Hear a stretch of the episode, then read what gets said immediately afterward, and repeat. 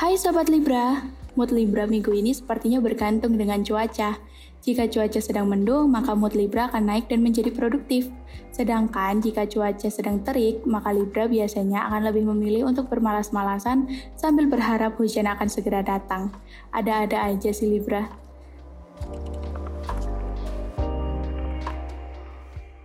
Percintaan untuk Sobat Libra Lovebird. Berhenti mencari sosok yang sempurna karena kamu akan melewatkan yang terbaik. Percintaan untuk sobat Libra yang masih single, memfokuskan diri pada pengelolaan keuangan mungkin harus menjadi prioritasmu saat ini.